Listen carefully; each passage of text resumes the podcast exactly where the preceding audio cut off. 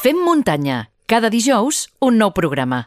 Després de passar per la consulta del nostre aficio, el Carles Sala, passem ara per la consulta del nostre coach esportiu de capçalera. El Guillem Marchal, ja ho sabeu, és llicenciat en Ciències de l'Activitat Física i l'Esport i Master Coach per la International School of Coaching. Ben retrobat, Guillem. Molt bones, Xavi, família muntanyera. Seguim avui amb la ronda de paraules prohibides o no? doncs, doncs aquesta setmana farem una excepció perquè, tot i que no, no hi vaig ser de cos present, t'haig de dir que em vaig escoltar el programa i hi va haver un comentari de l'Andreu Simón que em va fascinar. Bueno, em va agradar tota l'entrevista, molt, eh? Però hi va haver una, un moment eh, que, em va repre... o sigui, que em va fer repensar-me la píndola d'aquesta setmana. Doncs m'alegro que, que t'hagi agradat la conversa amb eh, l'Andreu. Si voleu escoltar tota aquesta conversa, la podeu recuperar en el programa 26 a la nostra web femmuntanya.cat o a qualsevol plataforma de podcast. Vinga, va, a veure, digue'm ara què és el que et va fascinar de la conversa amb l'Andreu. Doncs eh, quan li vas preguntar si patir diabetis eh, l'havia fet més fort, eh, ella et va respondre que sentia que li havia donat més confiança, convenciment i orgull. Llavors són aquestes tres paraules la, les que et van fascinar o una d'elles en particular? doncs, doncs ni una cosa ni l'altra en concret, i totes ja, dues alhora. Ja comencem. Vinga, va, a veure, eh, clarifica'm una mica més què vols dir, que sempre em fas ballar el cap. Aviam, eh, vull dir que les paraules em semblen molt significatives, però encara és més significatiu l'ordre en què les va dir. Perquè m'entengueu, fem muntanyeres i fem muntanyeros, res del que pensem o diem és casual. Sempre té un sentit al nostre cap i si ens fixem bé aconseguirem desxifrar quin és el sentit de fer servir unes paraules o unes altres i de posar-les en un ordre o en un altre diferent. Doncs la veritat és que no havia pensat que això tenia una especial rellevància. Doncs, doncs en té, i molta. No és per res casual que quan l'Andreu processa la pregunta, les imatges que li venen a la ment i les paraules que li surten siguin, en primer lloc, confiança de fer el que fa, convenciment de que el que fa li aportarà una recompensa satisfactòria i orgull per saber que la seva peculiaritat no és una limitació.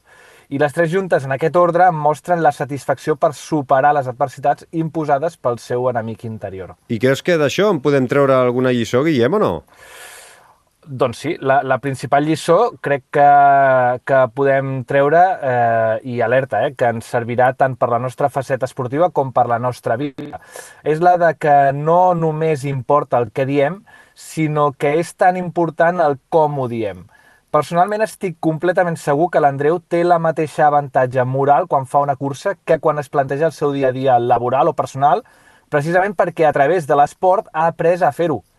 Cada cop que ha superat l'estigma de la diabetis i que s'ha entrenat perquè sigui una companya de cursa i no un rival o una rival, també ha estat entrenant la seva manera d'enfrontar-se als contratemps i reptes de la vida. Uh -huh. Això és el que hem parlat moltes vegades de la transferència que hi ha entre les diferents vides que, que tots tenim, no? Mm, efectivament. De fet, no conec a cap esportista que si no harmonitza les seves cinc dimensions vitals sigui capaç de tenir un rendiment òptim. I si algú en coneix algun, que ens escrigui, eh, que, ens, que ens presenti l'exemple a les xarxes o al web i en parlarem la setmana següent. A veure, recordeu el que diem sempre, o el que diuen sempre, que es competeix com s'entrena. Doncs el mateix passa en aquest cas, que els teus èxits esportius són directament proporcionals al teu estil de vida. I com ens pot ajudar això, Guillem, que, això que estàs dient, el que fem, els que fem esport no, no professional? Uh, bàsicament deixant de dir tonteries. deixant de llegir en, en, i escoltar... A vegades, en, a vegades en diem moltes, eh?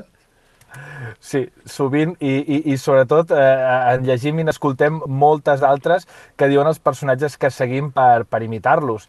Si ho fem, correm el risc de tornar-nos tontos del cul i començar a despersonalitzar-nos fent servir frases xorres que ens fan sentir super importants i super intel·lectuals, però que en realitat són buides de contingut i, i gens significatives per nosaltres. Però si no és la nostra realitat, ni els nostres pensaments, ni les nostres paraules, com ens han de servir? No ens representa cap frase que no hagi sortit de nosaltres. La sinceritat potser us fa vulnerables, però us sembla casual que l'Andreu Simón estigui obtenint els millors resultats després de mostrar-se com és?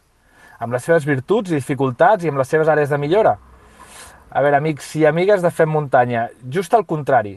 Després de fer-ho va començar a guanyar en confiança en les seves possibilitats. Va començar a tenir el convenciment de que podria aconseguir el que es proposés i va començar a sentir orgull de ser qui érem.